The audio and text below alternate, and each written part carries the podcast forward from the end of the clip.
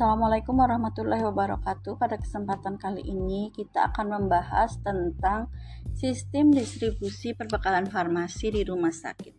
Seperti kita ketahui bahwa di rumah sakit itu terdapat dua eh, perawatan ya, ada rawat jalan dan rawat inap.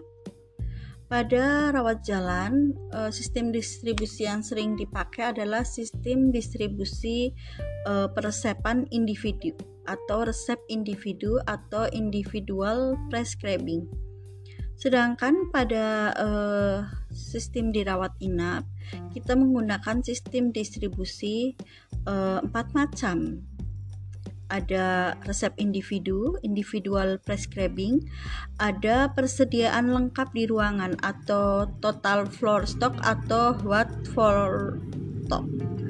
Terus uh, terdapat uh, sistem unit dose ya atau unit dose dispensing dan yang keempat kita menggunakan sistem kombinasi.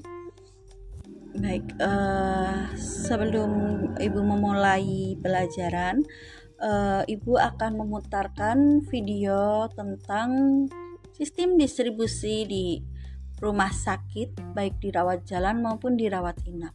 Silakan kalian melihat video tersebut. Setelah kalian melihat video tayangan video tadi ya, eh, apakah kalian paham akan eh, sistem distribusi yang digunakan baik di rawat jalan maupun di rawat inap? Apa ada yang ditanyakan?